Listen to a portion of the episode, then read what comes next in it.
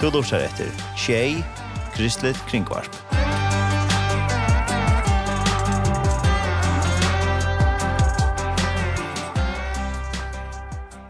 Nu har vi så finnes gjester i Udarsona, og vi får ta oss av engst den neste ledna, og det har vært tolka til først.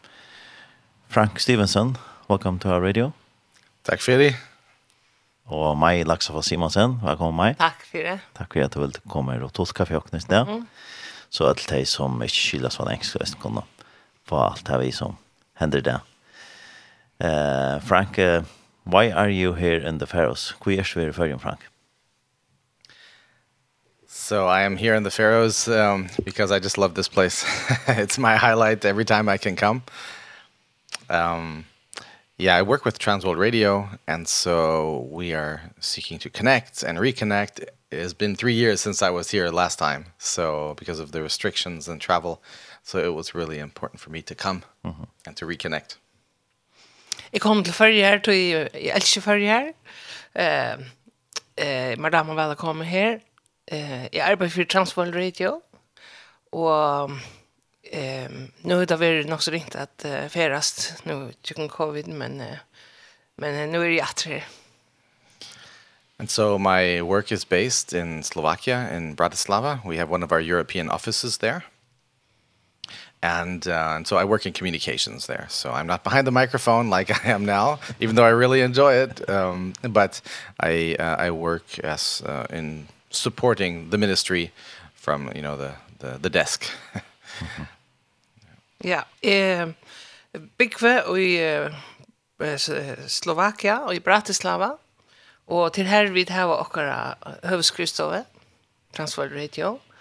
Og jeg arbeider ikke fremover mikrofonen her, jeg, jeg arbeider vi omsiding og imskonøren. And the Faroe Islands have this um, great connection. The Faroese uh, people have this great connection with Transworld Radio that goes back to the 60s. And, um, and this is just a, a really a unique situation like this uh, uh, in Europe for mm us. Um it often uh, goes through our local um partners or national partners as we call them. but here there's a direct connection and uh, that's wonderful and it it was started with um Evangelska rodin mm -hmm. um uh, back in the 60s. And uh, that's kind of the original connection between the two where the programs were made here uh sent to Monte Carlo mm -hmm. and then from the transmitter there we would send it out into the the open seas where the sailors were um the Faroese sailors because it was in Faroese of course. mm -hmm. And then the families were listening here too. Ja. Vi tar haft samband vi förjar så jag nutrition. Ehm det är också särskilt vi följer till vanliga så tar vi för runt så är så är samband i jöknen till lokala eh lokala organisationer men eh, Så åkken så kommer vi til och og her er bøgnløs samband uh, vi føringer till at uh, til kjenne Transvold Radio. Og til tog at etter trus någon så sendte uh, evangeliska rødden faktisk framlade sendingar förrjun, sendte det til Monte Carlo, og så ble det sendt ut i verden eh, Jøkken Transvold Radio. Det var det første sendingar. Mm -hmm and um and we'd like to just kind of re uh, keep connecting uh, with uh, with the Faroese people and just share about our ministry, what's going on. Um there are a number of really fantastic ministries here and it's uh yeah, it's uh, it's great to be part of the missions family um with a with a specific connection here.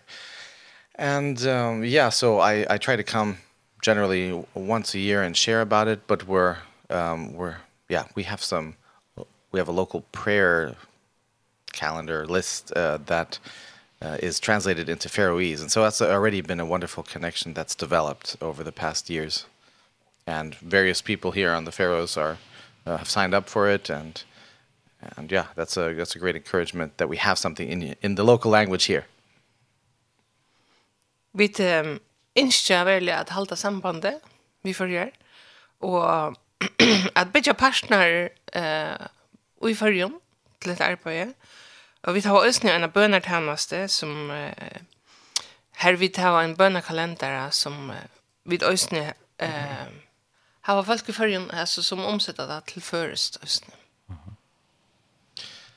Yeah, so um, in general, uh, Transit Radio has developed into a big network um, around the world. Um, we, we broadcast in 190 countries and in uh, over 300 languages. And it's by God's grace alone um, and through Christians working together in media and radio that this has been possible. But our our quote, our tagline, however you say it, is speaking hope to the world. And yeah, we can probably all agree that our world really needs hope um and needs not just some vague hope or you know thumbs up uh -huh. good luck but actually uh, the hope we find in Jesus Christ which is a specific hope it's a it's, it's yeah foundational mm. ja vi tar ehm och att här hon männes alla tøyna.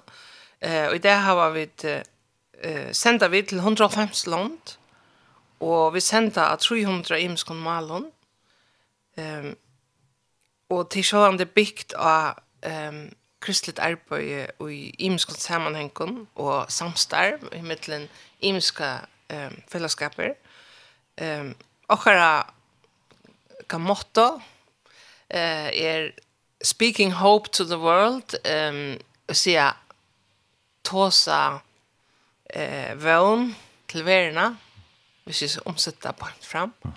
Og dette er ikke bare att här att vi drøyna at uh, heppa og center og se eh ta gong nok, men uh, hette er et vån som er grundläggande vånen och Jesus och Kristus er som helter eh oavsett vad. Yeah, and so mm, one big reason I'm here now um, is to Oh, I mean, I, I've been here since Thursday. Um, unfortunately, I leave today, but I hope to be back soon, um, as soon as possible. But basically, just to share about the ministry to encourage um, others that are interested in international media and radio.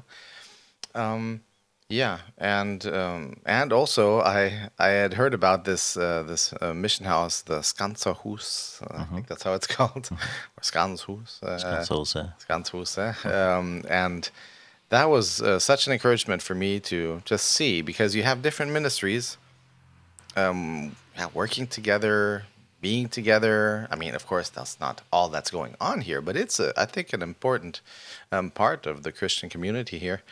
And uh, that was very encouraging for me to see. So I had I had heard about it um and and wanted to also that was a, a big point for me to come here and to see it and uh, to get ideas mm, for uh, for the future for um for Transworld Radio and and our connection on the Faroes. So I was very thankful for that opportunity as well. Ja, ehm nu har vi varit här uh, sen höstdagen och det färjas det i det. Ehm men alltså mitt enda mål vi har komma här är att uh, lota eh uh, om akkurat härnaste. Eh till öll de som kunde haft AHA för hesen arbeten vi radio eh, som vi gjør. Eh, og et annet som har oppmuntret meg er at eh, vi ikke skanser huset.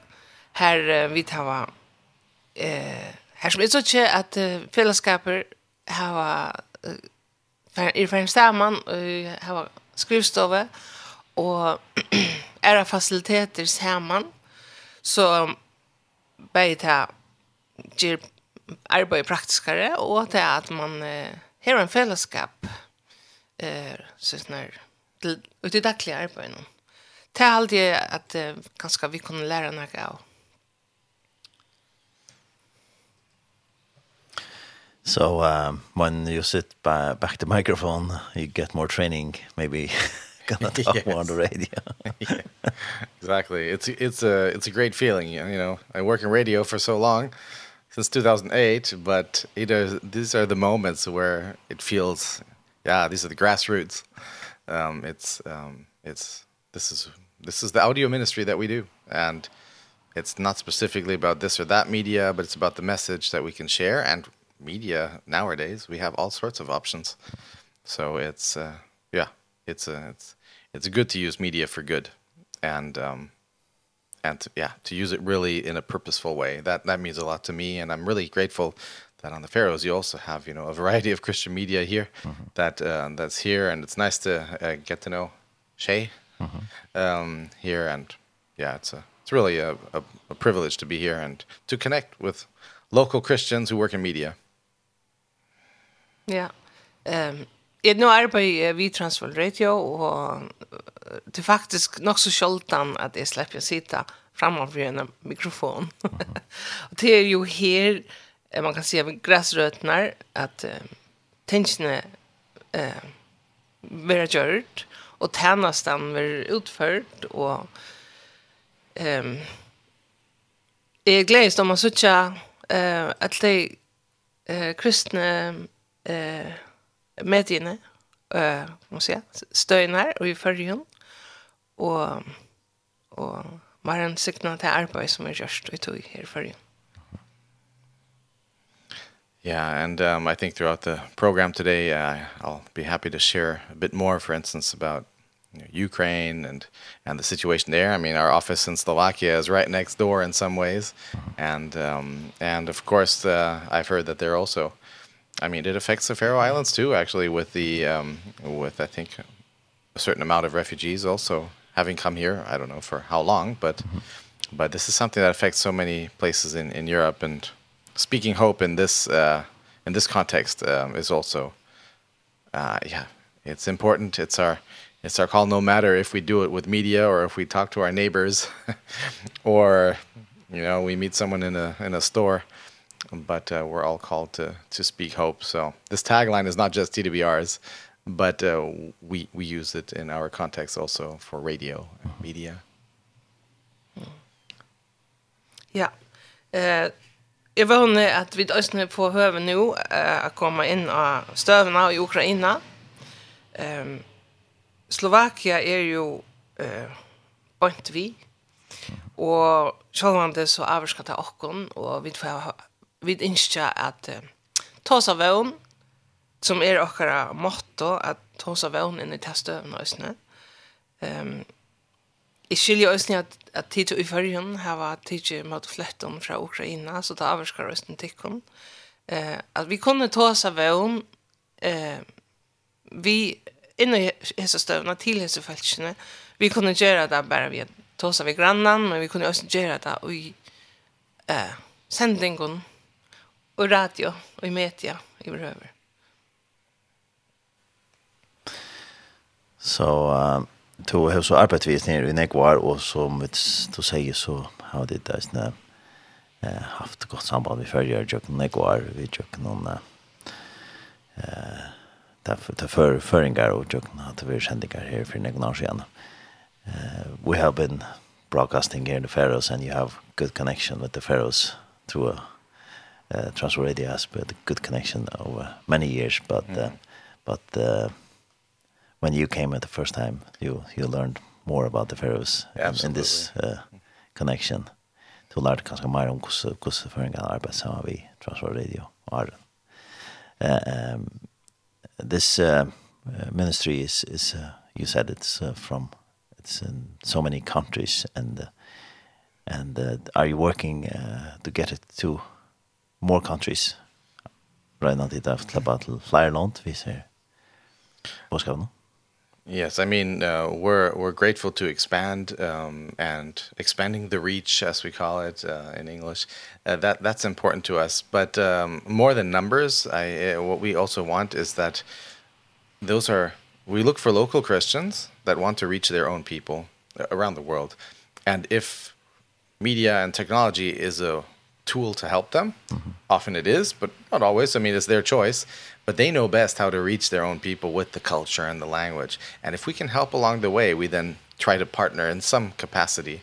So, you know, in some parts of the world it's really really difficult and radio itself is a beautiful way to to um share the gospel message um in all sorts of ways. Uh, it can be music, it can be stories, lyrics, um or it can also be audio dramas or, you know, whatever. I mean, you know, creativity is endless um but but our goal is to connect with local Christians, local Christian leaders that want to reach their people and to, then we find a way to partner up.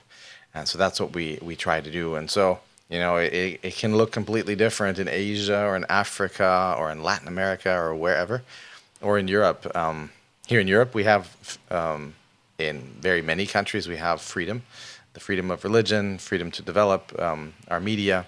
So then we really try to develop uh, local organizations if they aren't developed yet. Now, other times we have partners that are already fully developed and they kind of join the family. So we have a variety of family members. um, but yeah, so um, it can be complex but um that doesn't mean we shouldn't do it. Um it should just mean that um each one is a case by case uh, situation. And we are like a network. I kind of see ourselves as a network and we have independent partners around the world that do the media in their local countries. And we are kind of like the the world mission branch i would almost say. So when mm -hmm. the local partner the local media um they want to get involved in world missions it would then often go through us. Um to support a, maybe a development or a project or, or outreach to unreached people groups or whatever in different parts. Ja. ja Vi ønsker alle til men noen. Um, men det er ikke endelig at hele av um, London, eller Malon, som är er, er det viktiga. Det er och akkurat måste eh det som vi støyler efter det er att få samband vi eh, alltså tryckvande eller kristen av stjärnan som har varit instju om att nå sitt folk och de känna eh, mentarna och, så vidare och de vita hur de kunde nås så det kan te, och så kunde vi komma in och samstarva vi åkara förlöjkan och vitan uh, om radio och, och media. Det kan sutja i mest ut annan på om vi er i Asia, Afrika, etla, og i Latinamerika. Og det er ikke alltid at det er så latt, og det er ikke enkelt alltid. Mm. Og det hever sånne avbjøringar. Men eh, vi vil gjøre det for det. Og, og vi suttja okkom som et, et nettverk um, her som, her som vi er vi og i att en männa mission eh och på den maten som det blir till att ta med stöven och så här som törver är för det. Yeah, so um so we want to be we want to be local and we want to be global. It's mm -hmm. kind of this mix um and again, you know, uh, the funny thing is that our founder, Dr. Paul Fried, that was not his vision, you know. His vision was to reach Spain. He had a heart for Spain. Mm -hmm.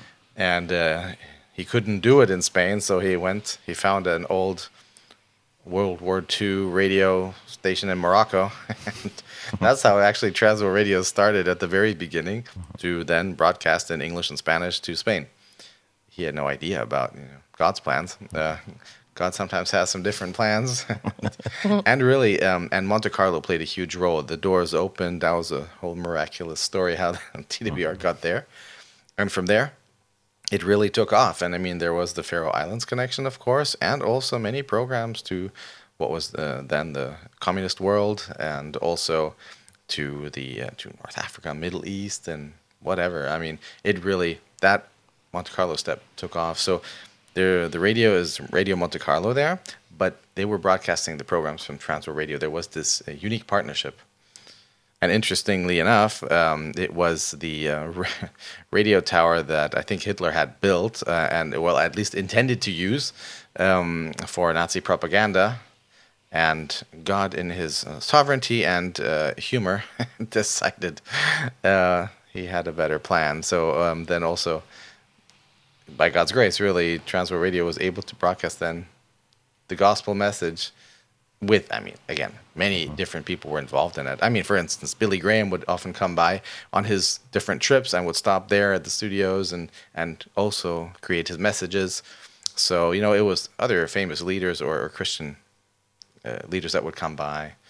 We used to have programs also from Corey Ten Boom, you know, and just, you know, really strong people of faith that and we were thankfully a tool a toolbox that could be used. But anyway, that's uh that was the key back then. So anyway, and who knows where the Lord is leading the ministry. yeah. Eh, det var uh, Dr. Paul, what did you say? Fried. Fried. Mm -hmm. Dr. Paul Fried. Det var her da byrja jeg. Han yngste at uh, senda uh, radio til, u, til spanjolar. Um, men uh, för så att kanna och och och, och börja det arbete och fann en stö i Marocko. och eh så snar brukte god den där mannen som han hej sina tankar om vad han skulle göra men god ledde han eh vi är ju i snir någon och och ta blev så till ehm um, Ja, faktisk så var det en, en sendestø, et, et, hva kaller man det, en, en antenna, altså en, et tårn, som Hitler faktisk bygde under krön under sätten av verden, som han atleie lägga propaganda ut i kjøkkenen, Eh som ja, han ikke kom till men som vi i det här bruker att å sända bådskapen om Jesus och evangeliet i köknen.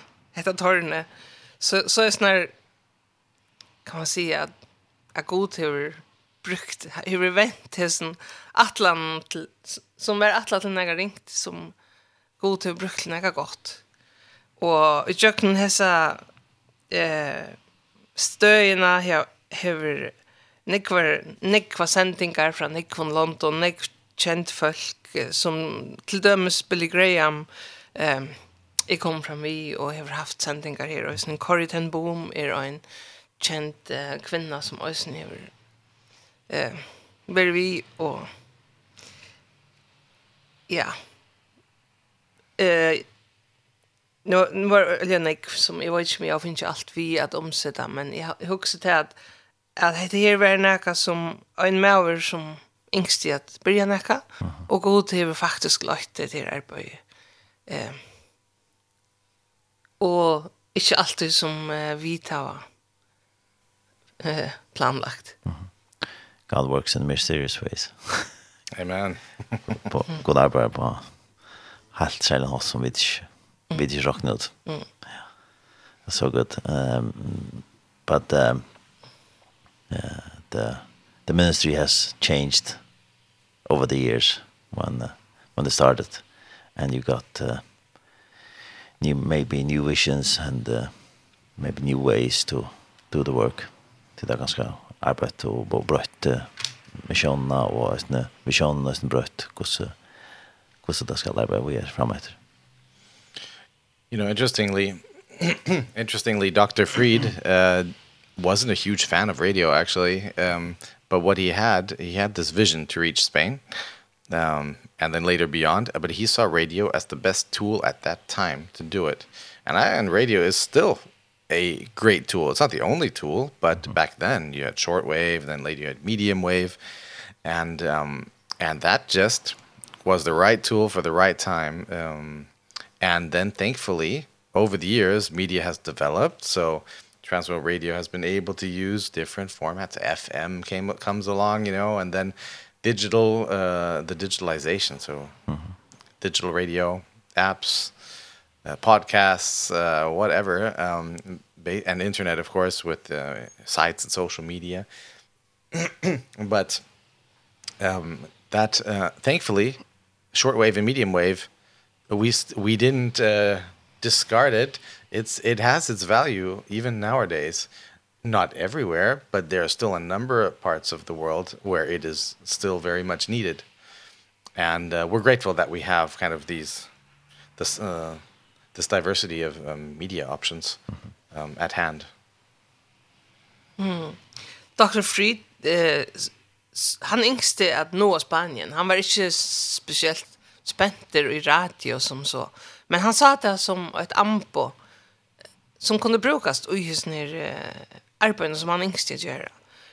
Er, radio eh, er stadigvæk et anbo som er godt. Det er ikke øynest anbo, men det er stadigvæk et godt anbo. Og stort og mildt, altså, og det er, er, kan man si, og det har vi internettet, og vi har, eh, du vet, man kan senda, gjøre poddar, og man kan varspa der av neten, og så videre. Men tog bedre har vi ikke sleppt stort og middelmbildet, tog at det til framvis eh, eh, matar at, at noa ut her som hine tingene ikke bara til. Her som nete kanskje er eh, blokkera eller filtrera. Eller. Så det bättre bedre sleppte vi det ikke tog. And you see uh, the the way to do radio is still uh, still uh, not old. you use it and and uh, people they use it and they they, they listen a lot. at folk lustar när det radio stadigt og at det inte inte brøtt. Så när det stadigt er er aktuelt.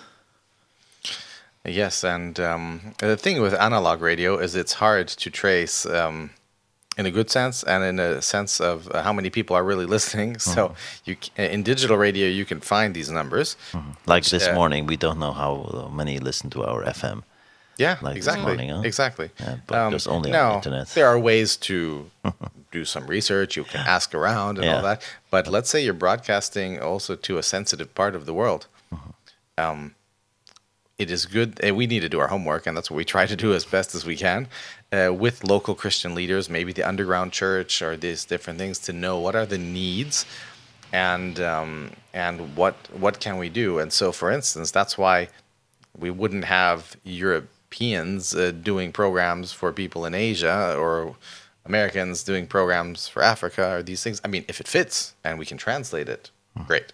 But um we want to find the local people and they can create content um, that, uh, yeah, that is encouraging for their own people. They know their people best. And yeah, but you're right. Uh, it, but it's still important. And I think one key aspect of radio, uh, the analog radio especially, is that it is secure.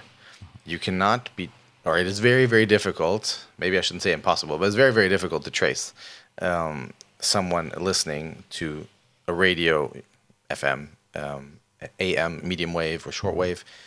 Um, that's that's key. And if you're a, a Christian, or even if you're not a Christian, but in, in parts of the world where there is persecution, where there is uh, government, um, uh, yeah, pressure, and all that. Uh, then radio and it can cross borders too. Uh, the radio waves don't stop at man-made borders. And uh, that's that's uh what uh, that's the situation we want to we want to use for for yeah the benefit of sharing the gospel. Um, uh, in many ways. So the security is is a big aspect. Also another point besides security is that we we intend to have the the voice that speaks be that of a voice of a friend. So there um so no matter if we eh, okay if you speak in your own language or if you hear something in your own language, your heart language, it's just different than if you hear it in a language you understand, but it's it doesn't touch the heart. And that's also one big reason why we want to connect with local people. So it's almost like you have a neighbor talking to you or a cousin or something like this. And um yeah, on radio you don't it's uh, not always easy to have like like discussions. Now you can have platforms, but even if you are listening to a sermon or something, But if it's the voice, a familiar voice, it makes a big difference and people will listen. And um that's where radio has a very valuable and valid place um in in media still today. So digital is great and is needed, but um it's it's good if we also recognize the importance and value of of radio. That still is the case and Ukraine crisis is also an example of how important that is which we, we can get to in, in, a, in a little bit. Uh -huh. But that's just for the general picture. eh -huh. Det som är avvärst i radio, vi tåsar till dem FM eller eller länkbilder är att det är analog och månaden är analog och digitalt är det att uh, om du har en lite radio och du lustar efter en analoga sändning, ingen kan spåra det här. Men hvis du sitter i en, mot, en telte og, og motteker en sending, så kan det spårast eh, digitalt. Mm. Og, og tog er det trygt um, for folk som kan bli forfyllt. Eh, her det ikke er løft at, at lust etter av oss som tenker om. Eh, her kunne folk tryggt sitta och lust efter analog konsentingon. Ehm um, så till till en part av att heta stadväck är aktuellt. En part är ösen till att heta stäcker inte vi landa mörsk. Radiobilder färra. Man ser ju kan luftna och det kan inte eh kan man säga eh hur så detta? Jag lägger ett ord någon Uh, eh alltså alltså filtreras fra av några stjärn eller radiobilder jag kunde faktiskt inte stäckas. Det släpper alla stans, ja. Ja, det släpper alla stans och eh tog tog är det en eh, aktuellt. Schalt om vi då finns ju kvar är mer moderna matar och senta. Ehm en ehm och kan inte är att att eh, arbeider sammen vi lokalen, tog at eh Sjálvt det finnes nekva sendingar som eh, ganske er i enskån og folk kunne skilja som er erastes fra, så innskjer vi at, at han som sitter og lustar kan eh, kjenne det som en vinarrødt som kommer. At, at det som vi sender ut kan være som en eh, kjent rødt av sin egna male som om at det var grannen som tog seg. Og at det kan gjøre at folk uh, ja, bare at lusta at de känner det tryggt. Mm. Så her er følgende som de som lurer bil i et eller annet mann i FM-radio, de, her kan man ikke spåre at de lurer, men hvis de lurer en digital til det et eller annet radio eller så, så ber det til å spåre hvis man enda vil spore det. Så. Yeah, it's um it's certainly important uh, as as a radio or media ministry to to be in touch with the uh the listeners and to offer them opportunities to share. And so we try to do that so we can find out uh, more. But uh, not everyone who listens uh, responds immediately um and that's normal. Um but it's good to at least provide options. So what we try to do is we we try to um, have, let's say, a, a mobile number where people can send a text message to, or we have maybe a social media platform where people can also anonymously be in touch. For instance, in um, in the Middle East, we have you know some uh, amazing programs there, but you know for security reasons, people don't want to uh, share their names um, also on social media. But we try to provide safe areas um, where where they can do so or ask questions. Um, and be and then therefore we're in touch with the audience um, and also people still write letters or or write um uh, or or phone us. Uh so there are different ways. I think it's just that is important uh, to try as much as we can to know who the listeners are or what the needs are. Needs also change. And uh of course now in these past years uh we've noticed with you know with covid or also the war situations anxiety is just a huge thing or fear. Um and maybe really not knowing what the future holds and and for us to also see is the content that we have that the local people or the Christian leaders are creating. Let's make it so it really addresses these topics. Um it's not the only topics we talk about, but um just as an example, um during the COVID um uh, when it, when it broke uh, when it was, there was the outbreak in China, mm -hmm. um our Asian colleagues, they they quickly came up with a a series called From Despair to Hope. And that just also was uh, was a, a wonderful series that we've also translated into different languages, but it started by our Asian um contacts and uh, and colleagues. And I thought that was a wonderful way to really adapt to a sudden new situation that affects so many people and causes a lot of anxiety and fear. And especially at the beginning no one had we had no idea what was going on. Um, so that was uh, I thought that was a, a great example to to really have a fitting program even if we mean we had to throw some plans around. Um but that's how we can speak hope uh, and in that series for example we would have some experts that would talk like a doctor or, or maybe a psychologist or and a pastor and and, and um, maybe a teacher or just different kind of professionals uh, that are Christians. uh, and could I could share from their perspective but point to the hope that we have. So we also show there's no situation which is completely hopeless when we look to the Lord. And um yeah, that was just a good reminder for me to um yeah, let's keep asking where the Lord wants us to be. What are the topics and and how can we really yeah, make a difference um, for for the Lord? um, vi ikke selv om det alltid jag få respons fra lustar og det regner vi um, att geva høve til. det er ikke alltid det kommer og, og slett ikke bøyne vi uh, men uh, vi det kan være uh, av imskon at folk ikke tårer att geva sig till kjenner. men uh, vi räknar att geva den möjligheten og på en tryggan måte att geva sig till kännar och geva respons uh, um, vi kunne ta noen døme om, om sendingar som um, som har vært uh, altså at, at, at tørveren kan brøytas fra, fra tog til æra og i jøkkenen uh, så privatna vi tar vi i jøkkenen vi, vi, vi covid så hever uh, øtte vært øtte uh, ja, nekka som har dominera samfunnet eller nekk folk i nekvun samfellon. Um, og, i Asia så var det um, en, en, eller, folk fra okkar arbeid som, uh, som um, uh, ja, jag vet inte vad man sier, jeg har funnet på slæår som sier fra vevnløse till vevn.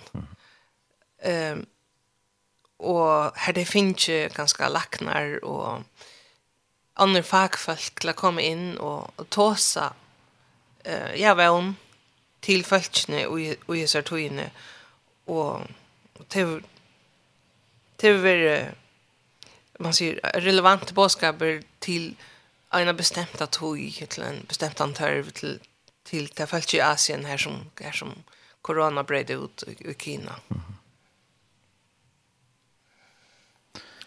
Yeah. Yeah, shall we maybe uh, play a song? Sure. Now, uh before we go further in the program. Uh, you had a request. Yes, um, I uh, I've really come to like this one song, and it really means a lot to me. Uh, Sovereign over us, from Aaron Keys. There's also a version from Michael W. Smith. Maybe some listeners know that, but um, but it's just the text is really encouraging, and it just points to the Lord who's sovereign, even if we have many many questions. Uh, and uh, we we don't know. But thankfully he is the one who knows and is in control. And uh, we can take comfort in that. And so I, I hope it can be an encouragement for the listeners too. Ja, vi følger oss etter Aaron Keys over and over oss. Musikk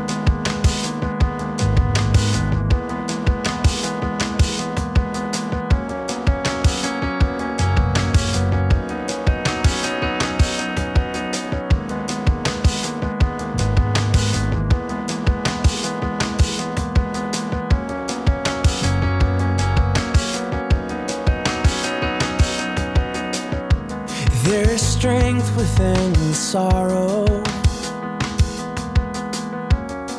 There's beauty in our tears. Then you meet us in our morning. With the love that casts out fear. You are working in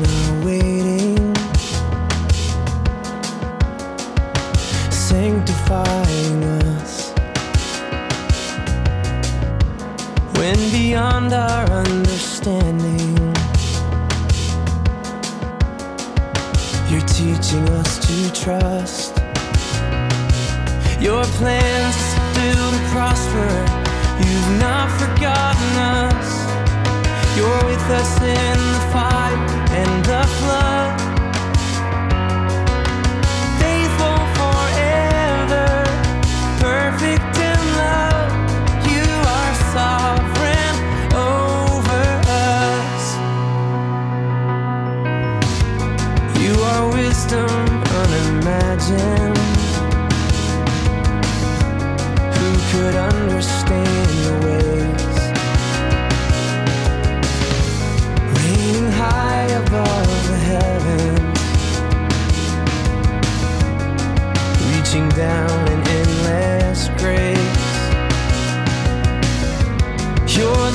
shelter of the lowly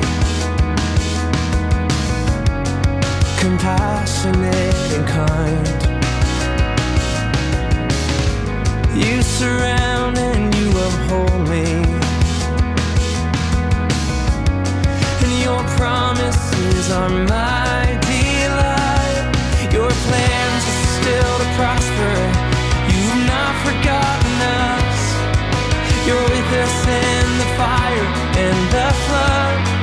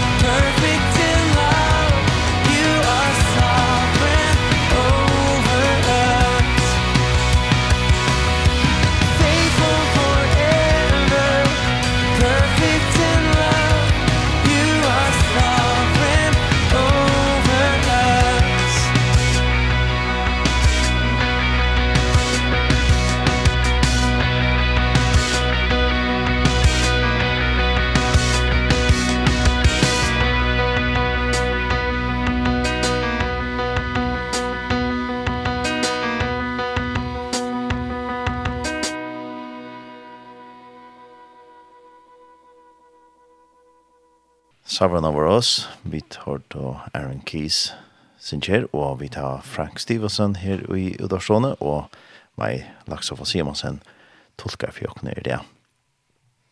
Og vi tar også syndrom uh, Transworld Radio, TWR, og syndrom uh, missioner til Taimon, det her var en Mission kring Atlanheimen, og vi ryska i Nekvar, og det er et godt samband med den førjer og Transor Radio, her det ble sendt av første sendinger for, for en ekvann år siden. Uh, you mentioned about uh, the ministry you also have in now the uh, the Ukraine and Russia. Uh, how does uh, Transor Radio work with these uh, countries now? Get the ministry that you have to these countries. Hvordan regner tid til at uh, få bådskapen, det som tid på hjärsta til landet som Ukraina og Russland nu och Hesentina som er nu. Yes, thank you. Um, back in the Monte Carlo days, uh, we were already broadcasting in uh, in in Russian and and Ukrainian so um these were uh yeah it, let's say programs were already going out from outside from with radio waves into the region and and thankfully, um, well, often we didn't know the extent of the reach. It's typical, you know, in closed societies. Mm -hmm. And then once communism crumbled, we were really hearing from all sorts of countries in the Eastern Bloc of thank you that we had these programs. This was such a help, or it really helped our church survive. I mean, because often enough, it was those were underground Christian groups or church churches, etc. So that really also showed it's good to also um, yeah, see where the Lord is leading us, and then just also have faith um, to to keep broadcasting, uh, even if we don't get a million different responses. Oh. But we would we would get a few, you know, here and there, and those were quite special. But especially after the fall of communism, that was um, that was really special to hear that.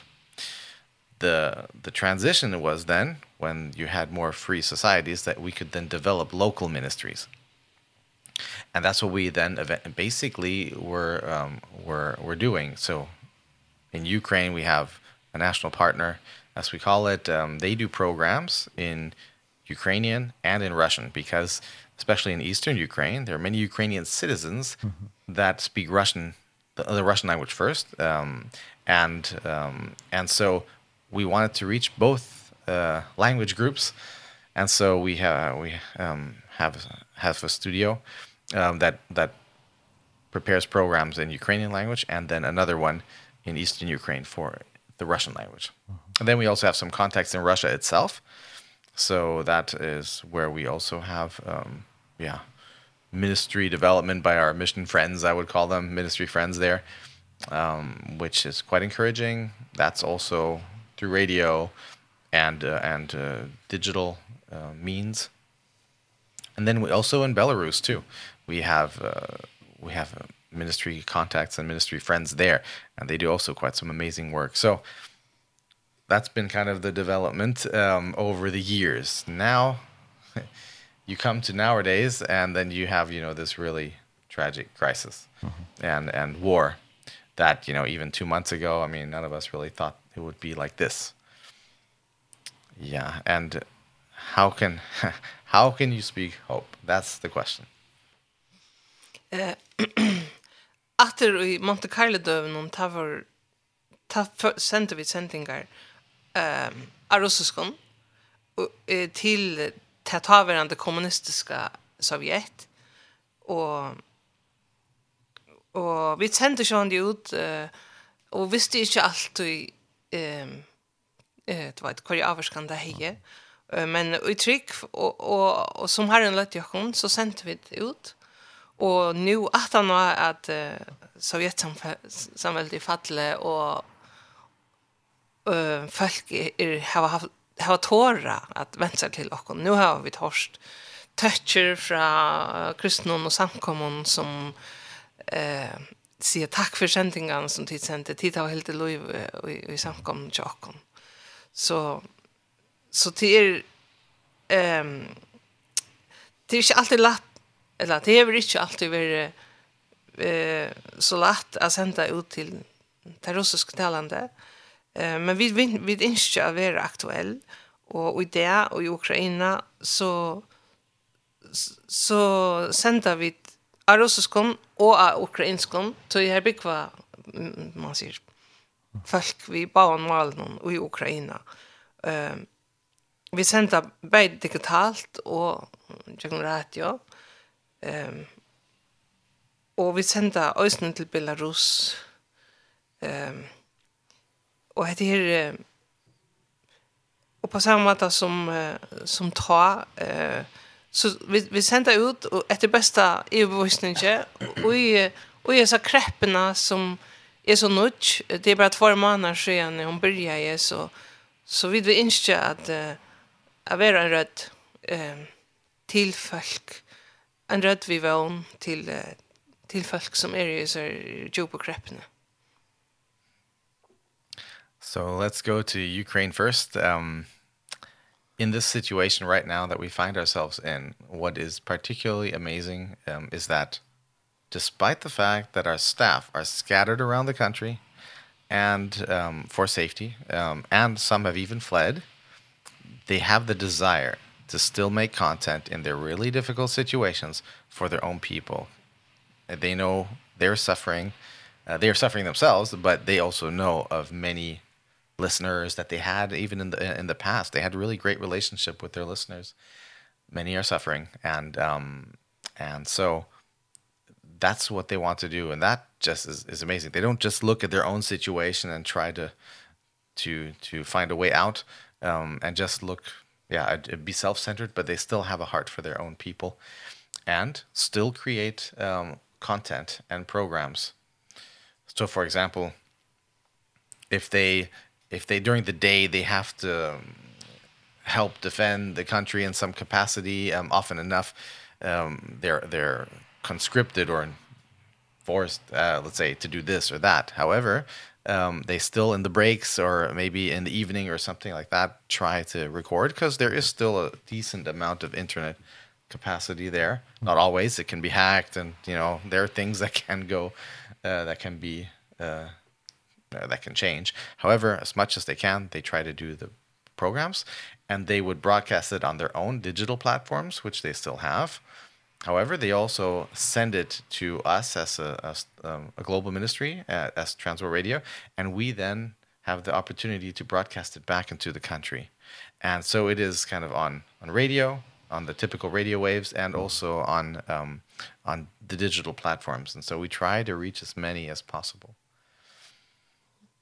Vi tar folk i Ukraina ehm um, som hava framlagt sendingar för jokken, som i det är spjatt ut omkring till att till krutsch och till er ju vanta eh och till skulle ganska jäm lotag i krönon eh och så i frilöten som det hava så färdig framlagda sendingar mm. och senda det ganska alltså en egna digitala plattformar och senda det till okkon og så vi kunne gjennom radio senda det ut i landet efter. Så är det folk som selv är ju vanta eh, men som inte bara hugsa om att bjärka seg selv, men veldig inte att uh, ja, att hamna sin landet. So um so they're uh, trying to create their content and um everyone has a different situation i mean there are some that are really in very sensitive areas or areas of destruction and um and there are others that have managed to go into safer areas but everyone knows people that have been killed and are heavily affected and it and it often enough is a very heavy burden.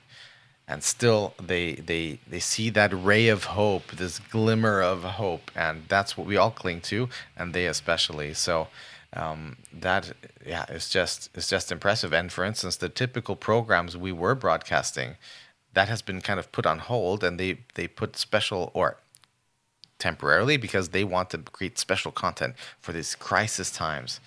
And they have also helped us um in in translating um various crisis programs and so right now we are um we are launching as much as we can crisis content for their for their own people but not just in Ukraine but also for Ukrainians that have fled the countries that are in other countries as refugees. And this is what we then are are um doing with our partners uh, etc to to uh, to point people to programs this like trauma counseling trauma therapy um and and questions about you know God and pain and suffering. I mean, this is not the first crisis and first war there's been. Uh, there, unfortunately, in human history, we have a lot of them. And we can take some from other um, disasters or other uh, crisis areas and, and translate, translate them and contextualize them. And some are done locally. So it's really a mix.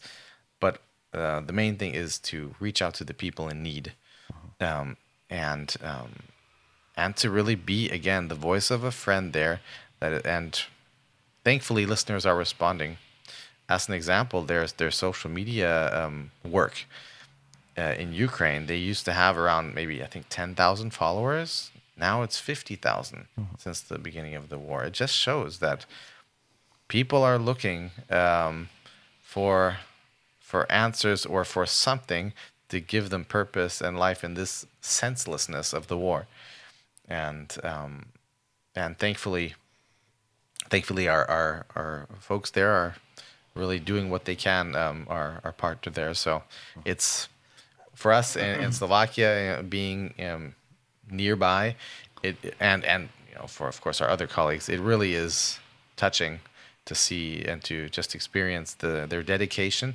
And it's not easy for them. It's not like oh yes sure we'll we'll do it. It's probably very hard um sometimes to do content when you yourself are crumbling. Mm -hmm. But that's where it has to be the Lord that sustains them. I mean, it can't be our strength. We we can only go so far, but the Lord is the one who who gives us the strength and it's it's the case with them too. Som i Ukraina här kan man se att här vanliga sändningarna eh är färnare bojstöve. Det är en kreppa ehm vi vi lägger också att efter att framlägga sändningar som till folk i Ukraina men också till flättar som är, är flytt ur Ukraina. Hes falchen jag har ja men det har äh, finns ju trauma eh och är ja men är är ju ju när ser allvarligare kreppestöve och de har bruk för eh åren som kunne åka og, og styrka og i stövne og, og vi tar sendingar som, som handlar om det alltså hva trauma ger og, og salarhalsene som holdt og, og at være en vinarrød eh, inn i det støvene til timen. Eh, vi söker til at hvis vi da har hørt det her som vi hørte ganske 20 000 lortere Was that in, in Ukraine? You had 10,000 listeners? Mm -hmm. Yeah. Our, our partner there. Yeah. It's like an yeah. in their independent partner, and they um, and they they had 10,000 um, yeah. followers like on yeah. social media. Okay. Mm -hmm. Um, and now it's over 50,000. Yeah. Um, yeah. But that's just the social media. så so, så so inne i alltså ochra samstarvspartner inne i Ukraina eh uh, de visste det att de hade 20000 filtrar uh, social medien och, och nu har det talat för upp allt trustusen. Så, så vi, vi mest det att det är vidkommande det som vi gör här. Um, vi söker, vi som är i Bratislava och, och i London och runt omkring, vi är så när vi tej och vi och till rörande jag söker hur så dig halda av. Självt om dig är ju vanta själva. Eh, hur så dig halda av att framlägga sändningar det är bara god som kan eh, halda tajman uppe och vi, vi tog arbeten. We also, we also heard that uh, uh, people here in the Faroes have supported uh, Bibles to Ukraine and they, they need Bibles mm. to give to the people in the Ukraine and yes, yes. also for the gospel and uh, the message goes to the, these people. So the need is very Fantastic, yeah. That's fantastic. I mean, the need is there, and also there are different ways to provide uh, content. Uh, one way is to distribute Bibles. There's also a lot of good digital content, even uh -huh. uh, links that we can share. I can I can uh, provide some um, uh, some information then later on um, and that can that you can you can then find us listeners here um, on the uh, connected with Shay. Um, uh -huh. So um, I, I encourage you for that. Uh, I also um, do want to mention we do have a um, crisis fund that Tr Transfer Radio has um, set up, and it's um, especially meant to be a broad range of ways we can help. So, for instance, we can help people, um, especially connected with the with the local ministry that are in need, um, that um, had to flee and have nothing, um, and need aid. That's that's one way. Then another another big um, reason we have this uh, project fund is to also support the content to keep going out into mm -hmm. the country because it's not a given that one transmitter for instance can still be used. There might be pressure or there might be different ways why one will not be available. So we don't want to just have this one option. We want to have several and thankfully we do have several options. And it is keeping that going or maybe making modifications technically so that we can do the best job we can be the best stewards we can to um to to keep broadcasting and and sharing the content into that region because it's not just Ukraine alone it's the entire region that's oh. that's affected. I mean I can share one I can share one story about a a family I got to know um uh let's just say for um for safety reasons I'll I'll call him Oleg. Mm -hmm. and um and so Oleg is a uh, is a technician with uh, TDBR Ukraine. And he and his family, they they're from the east of Ukraine and they had to flee. And they normally the men between 18 and 60 year old uh, are not allowed to um, leave the country because they're required to stay there and and defend it in whatever capacity. However, he is uh, he got a um, special permission because he's the father of a child with down syndrome and uh, and there are also several other siblings and also the mother has Alzheimer and, they, and together with his wife so there are six of them they um they fled eastern Ukraine. And we had heard about that um uh, also in Slovakia.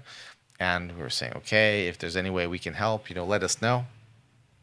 And so then they were uh, it took the it was an odyssey. It took them I don't know over a week to to get uh to the other side of the country um because it's not that all you have all open roads. I mean, sometimes you had massive traffic of people wanting to leave. Mm -hmm. Then their car broke down in in western Ukraine.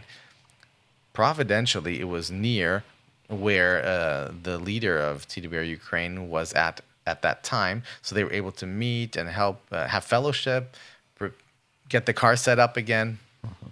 And then a few days later, continue the journey. So in the end, they made it into um, into Slovakia, um, and uh, we were able to to help them to find a place for them to temporarily stay, and it was just special to get to know them in person. And and all this time he was trying, and especially when he reached Europe, but even before, to be in touch as a technician. He had an important role in the ministry, and he had that desire to to keep doing his work as much as he can. And now he's in safety in Germany with his family and uh, we could just be a part on that journey and just see that personally. And when you get to know people that are refugees i mean it's yeah. They have left it all behind and they would love to go back. I mean so many ukrainians i, I know if they can and uh, they they're they're ready to go back. Um but of course it has to be the right time. But that was that was special to see okay this is a person in ministry and even in those crazy situations there is there is a way for them to contribute to share um and to to keep reaching their people. So that was that was special. And yeah so that was uh they're they're they I think just just on Saturday last Saturday they moved into their their new place. Uh yeah, I mean for them they still wanted I think to be temporary but um but they have a new place that fits the needs of their family uh in Germany. So that is uh, that's wonderful. And of course then from there trying to be more part of the family so mm -hmm. uh, of the ministry mm -hmm. yeah um ja større vi tar en look at her først uh, det er en større tørver og jeg kan lägga oppløsninger till uh, ims tilfelle oppløsninger uh, som vi hava kan jeg kunne vi kanskje gjøre tikkon så de kunne lette hemma så inn og kjøy ehm och så jag kan fortälja eh, en server om flesta folk som vi er kommande samband vi. Vi kallar han Oleg, eh för brukar han säga rätta namn. Eh, han är en tekniker cha Transworld Radio i Ukraina. Eh, och familjen nöttes att flytta till att have ha crutch i öknen. Och vanliga så släpper män, vuxna män, de släpper inte flytta ut av landet. Men Snir Oleg, han har en dotter som uh, har Down syndrom, och han har en mamma som var gammal och sjuk, och och uh, i familjen oppa, på seven people? Mm, six. Six. Mm -hmm. Familjen vi sex personer, um, han slapp så att, att uh, flytta samman vid Daimon. Um, och ta tog Diamond en vecka komma ut ur landet nå. Ehm det hände imsta vännen vid bilen och och men jag kan att sitt inte så så säger han att god dig lott dig och hjälpa dem och och, man säger var vart dig eh vi kom så vara samma vitt där mot det kom ut ur landet någon och och han tog, han tog sig bara om vad vad kunde han göra och hur kunde han föra in att i landet och och hjälpa till. Han han är ju en tekniker och och blev vet att ta sig om vad vad kunde vi göra. Ehm um, och det rörde ju också att uh, att det var inte det var inte bara att att släppa veck men en ett hjärta lär för för jag hjälpa dem. Falskt nog. Så en egna falske i Ukraina. Mm. Og i det er det så just kommet inn igjen og oppe i Tyskland det her som eh, og i tarra høtten skal være fyrbilds. ja. So um, when we, for instance, support um, support the ministry through this crisis fund that we have intentionally set up, we're just grateful that it can also help people like Oleg and his family, as well as um, focus that we have the the technic the technical infrastructure in place to do the ministry as well. And um yeah, thankfully um we've gotten support from all around the world, uh, which has been really encouraging. And that's what we um yeah, will need to this this conflict is going to last for a while unfortunately. It's not going to go away tomorrow and the needs will be great. So we want to play our part in this. Um we're not an aid organization itself, but we are um, calling called to do media in this time, and that's what we want to do. But of course, we have you know we we help where we can. Um, but uh, but that's that's let's say uh, an example from from Ukraine. So yeah, I would I would ask also please do pray for our staff there, and um, in the midst of all these tragedies and the news that they hear and the the stuff they know is happening to their own people and its destruction. Uh, uh, in many parts. Let's pray for the ministry there. That would be, we, they would really appreciate that, I know. Maybe just briefly about, um, about Russia and Belarus. So we have amazing people there that are also in difficult circumstances. They, they want to reach their own people and uh and that's incredibly encouraging and humbling to to come across um But there's also the unknown, the fear of what might happen because if you do not belong um there uh, to the state church, well then it there might be more there might be more problems. Um it's not they can still do uh, a lot of the ministry now, but of course with uh, let's say certain websites being shut down or or or media not being available, um yeah, it is it's difficult. And they don't know how it will continue. However, in all three of those countries, there are people locally that are interested in supporting the ministry. So that is the encouraging thing. It is really for their people and supported by their people uh, in many ways and that's um that's encouraging. And they have listeners um not just uh not just Christians that are listeners, but also those that don't know the Lord and and are really maybe touched by certain programs and, and uh, giving them food for thought uh, in this time. Trans Radio is not a political organization, and so we also um, we we make efforts to really share the gospel message with people, and um, and that is what we are called to do. Um, there are other uh, other organizations uh, that are you know that share political commentaries and whatever um, during this time, and that's all needed. Um, but our our we want to stay true to our calling, and that's to share gospel in locally understood ways by local believers and we can play a role in that.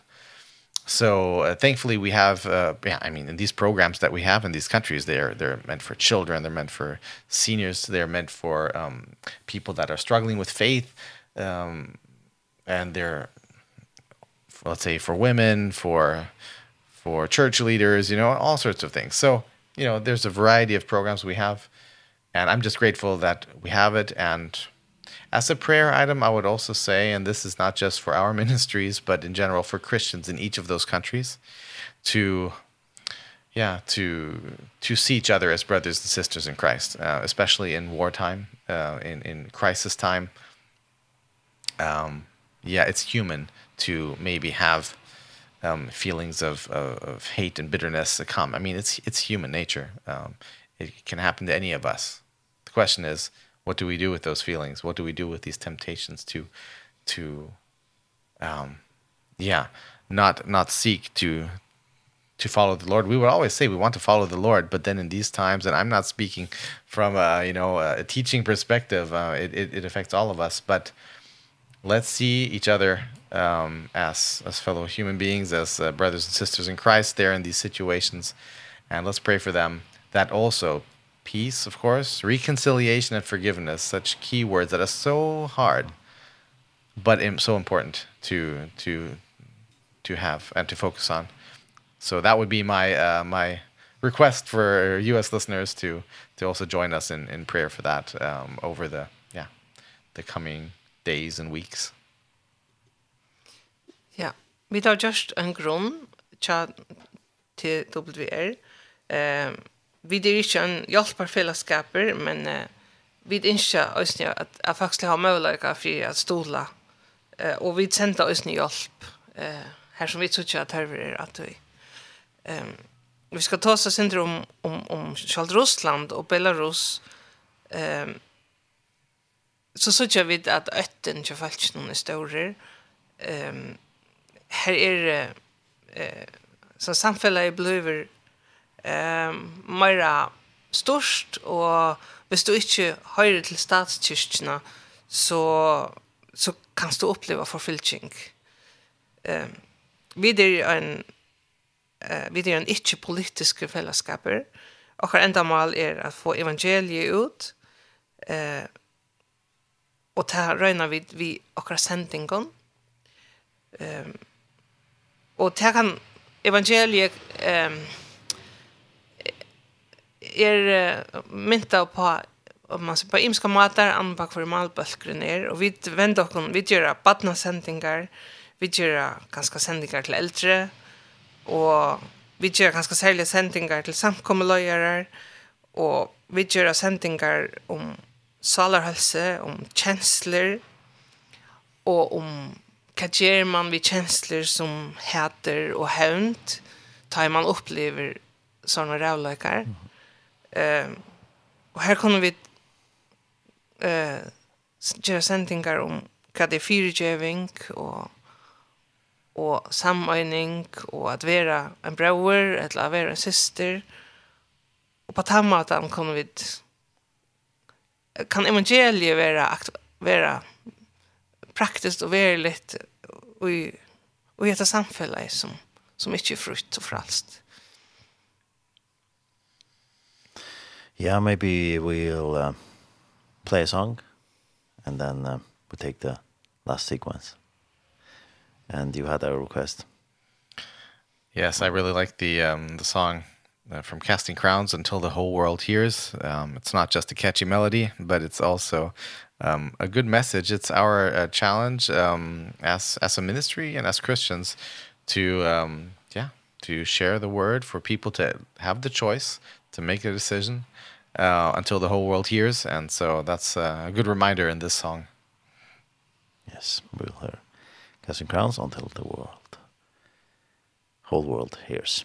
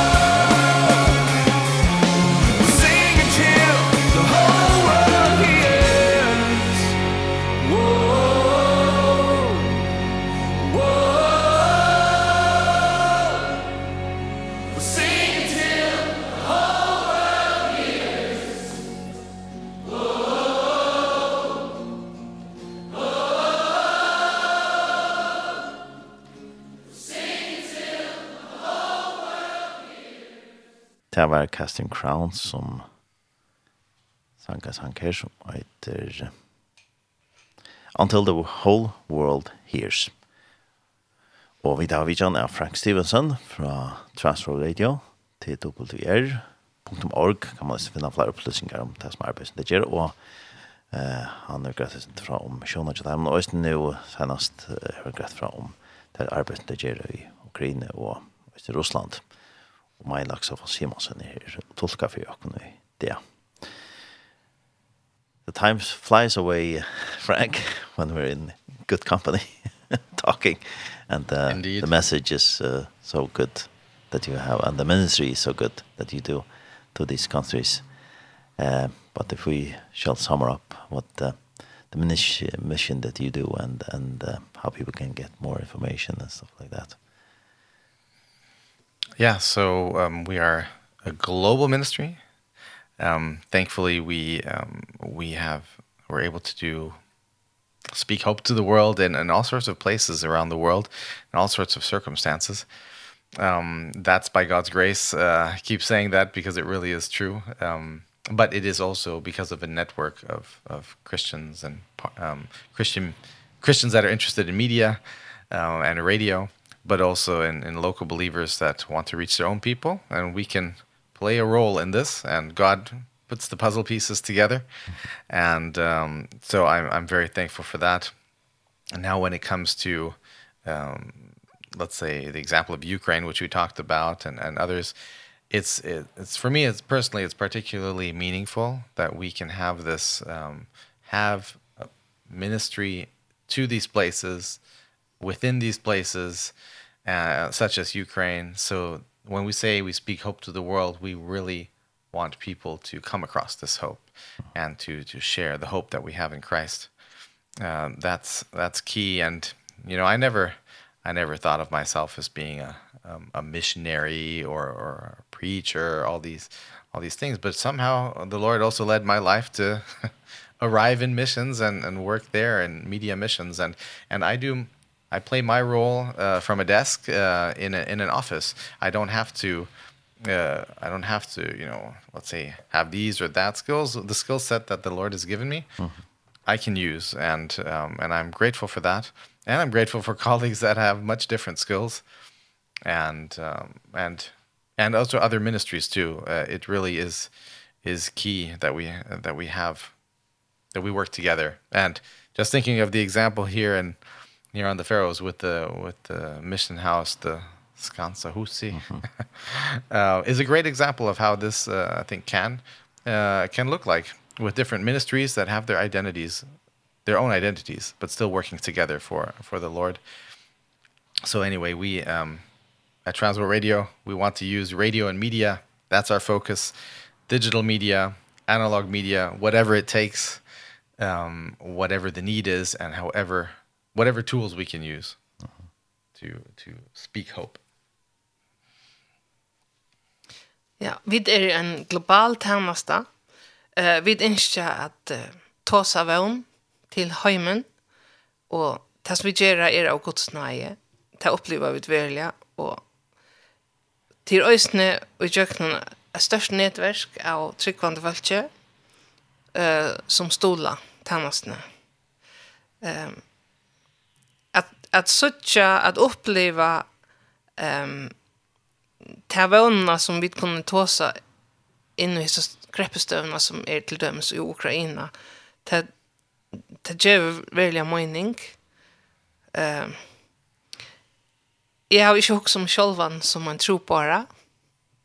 Eh, tar man sig upprunaliga.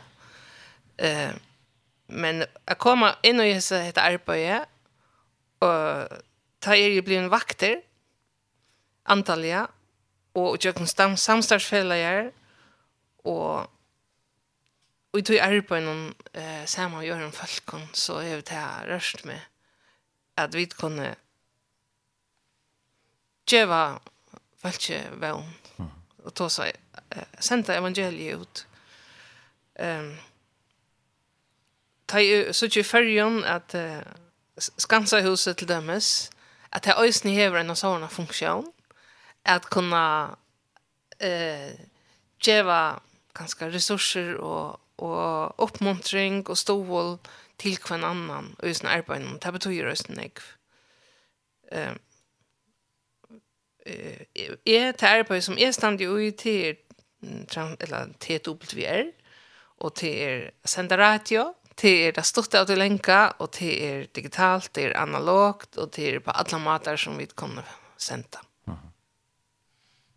So maybe some listeners are also um wondering how to get more involved or or to be uh, connect with connect with the ministry more. So I can first of all uh, mention that we have a our new launch of the website which uh, happened a few weeks ago. It's twr.org. So um we're grateful for this. That was a long time coming and um those of you who put these things together, you probably know um the outcome is only the tip of the iceberg. There's a lot of work in the background and we're grateful that it's uh, now available.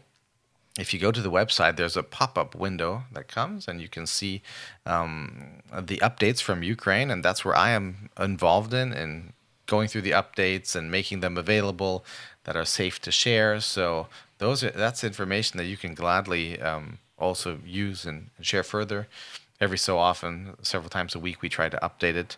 Um, and we have other updates from other parts of the world, of course, but that is just uh, one of the ways. Plus, there is also a link for the Crisis Fund if you are interested to uh, give there. Um, but also, we are always looking for for people uh, who have you know a variety of skill sets. Uh, um, to um, if you have an interest to to join TDBR in some capacity. For instance, we have interns uh, if you're in in college or or you're looking for a small time frame to use your skill sets and it can be technical, it can be IT, it can be um in in communications and telling stories, it can be finance, you know. It's it's a huge variety. And um as as many other organizations, you have different people with different skills working together. So so let's say volunteers or or interns, but also long uh, long-term people that want to go on the mission field for a long term. Nowadays there's a lot of flexibility, meaning like you can do work in different places. We have offices around the world, so if let's say you have an interest for one specific part of the world, we may well have some representation there uh, in Asia and Africa, Latin America, North America, and in Europe. But here in Europe, for example, we have our main offices in the Netherlands, in Slovakia, and in Cyprus. And we have a few small ones in Germany and Switzerland, but um but again, uh the location is uh, is you know, not as important as the availability and the interest. And then we can see how it works together, but if you have any questions, uh I my email uh, you can send me an email um fstevenson@ at twr.org and I'll um I'll send the information here to to Torani uh mm -hmm. so he can he can post it but that's one way to get in touch and I can give you also my my phone number my WhatsApp number mm -hmm. I I won't have my Faroese number but I can I can I'll have my uh my Slovak number but it doesn't matter on WhatsApp or on by email. Uh -huh. So there are different ways to get involved if you are interested. But I also look forward to coming back. I would hope in uh, in September that that works out, but um, around that time, and then to share more. And if people, if you have questions then, or uh, some additional um, things you would like to know, I mean, you know, I'd love to meet in person. So um, I would love to be in contact but yeah these are these are just um some ways we also have of course social media channels um with with videos or with um small segments on Facebook and Twitter and uh Instagram. And um that's kind of where we are mainly. So you're welcome to check out Transworld Radio on those channels. We have some pretty awesome colleagues um And uh we have a new social media lady from the Netherlands who's going to join our team um in in Slovakia in a few weeks. So we're looking forward to that. We have a uh writer, the full-time writer who will join us at the end of the year. So these are also ways to work in media missions even if you're not behind a microphone itself. There are um there are just many different ways. So mm -hmm. just to give to share some ideas and to plant some seeds maybe uh um if you're interested in Transworld Radio. To Du spyrst kanska hvordan kan jeg være vi? Um, vi tar en heimasøye som har vi lunsja ved, men nå er hun så her. Eh, T-W-R.org um, Her er her er man sier det aktuella om okkon av heimasøyene. Og her er uh, en som jeg vil uh, selja ta som er en, et vindeja som poppar opp om uh, tøyender om Ukraina det er ganske avhåverst til at ikke kunne øsne. Jeg er inn her, og her sier jeg dit til noe just om kreppene i Ukraina. Um, annars så kunne dit øsne av heimasøyene lese om akkurat virksomme, uh, og på ymska måter. Uh, her kunne det kunne det kunne om at um, det blir til at komma i praktik til åkken, til. Det kan vara i några veckor eller eh några halv för två veckor utan kan vara sommarferien ta kan vara en en, en stitch eller längre praktik det kan vara som teknikere, som IT-folk som samskifte eller rockskap eller vad det ska vara eh vi tar oss nu for för längt gör alltså att vara vi tar oss längre tid vi är jo om alla verna ehm alltså uh, you mentioned a whole lot of places and I around the world. Around the world ja yes. yeah. og er uh, sera spenter a høyra fra omkron jeg vil ordelig ferien i samband med tikkene. um, det blir til å senda meg en teltepost eller en kjøttelmøyen um, det kan kanskje skje kan lette til å ha hjemme her så kan du ikke finne det Eller det går kontakta och nästan hvis det vill. Ja, eller ja, simpelthen kontakta Torrena eller tjej här. Ja, välkommen. Och vi finnas då i av sociala medier. Vi finnas på Facebook och Instagram och av Twitter. Ehm Så hvis det er at vi tog i verden, så kan de prøve litt etter åkken her. T-W-R. Ja. Um, annars så atlemer å komme etter til førre i september og er spenter på at jeg får samband med tikkene, og tidligere er alltid avhåver og i uh, en prate. Ja. Yeah, you're uh, gonna leave now. Pharaoh, so... It's a sad moment for me. so I'm gonna thank you very much for coming, visiting me in the studio. Thank you. Also coming to the Pharaohs and talk a little bit about your mission thank you very much for this opportunity and uh, also many blessings to you um, as a ministry here at Shea and also um, with your with your listeners um, in sharing hope in your circles. Thank you very much and uh, you're welcome to the studio again when you come back. thank you. Maybe then you have some other news mm -hmm. to share to the listeners. Ja. Yeah. Ja. Tusen takk for det. Og takk for meg. Jeg er snitt til å komme og tolke for dere i dag. Sjå takk. Og meg tusla bare innkjøtt en sang, Ja. Et sånt dørste. Nei, men ja. Så? Men da måste vel uh, bare lætsene. Og han har en sang som heter Mæver i Møyren Materie. Ja, han har hun her. May God bless uh, your ministry and uh, have a good trip back home. Uh, thank you very much. Tack för det. Ja.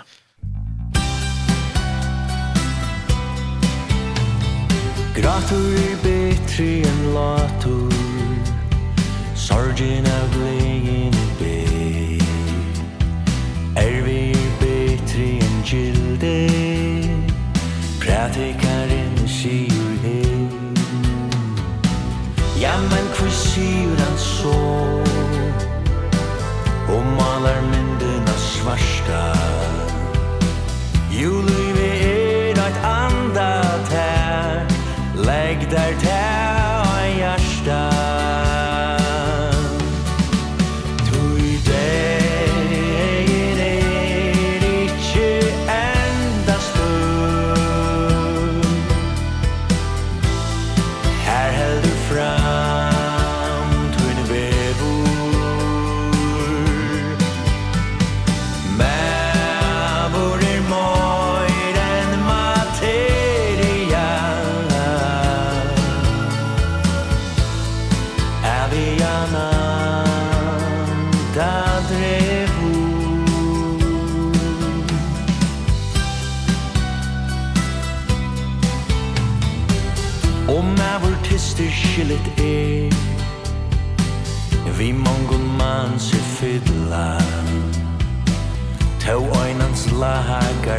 kroppen. Kan du bare ta oss stilla? Til samme såpe som hon sjål Samverska drak og sikar. Ta vatten morstaren sjålvor Fyllt i henne av brottna bikar.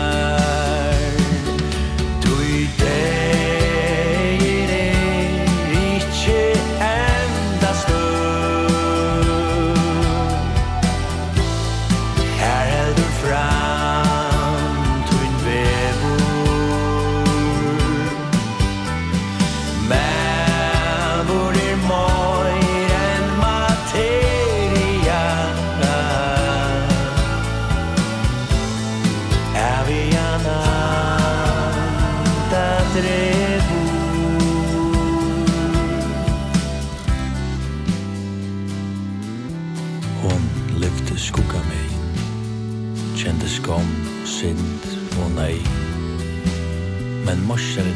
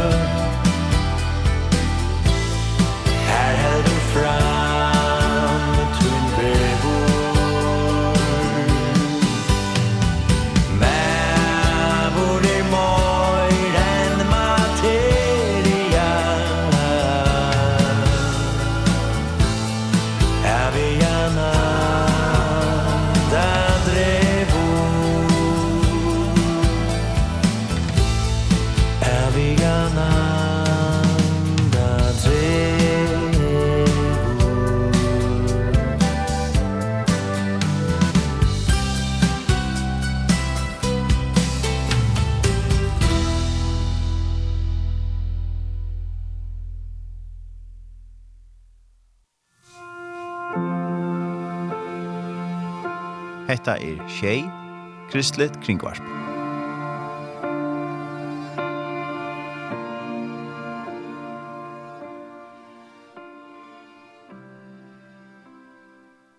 Vi tar det bare lærsene, men var det mer enn materie.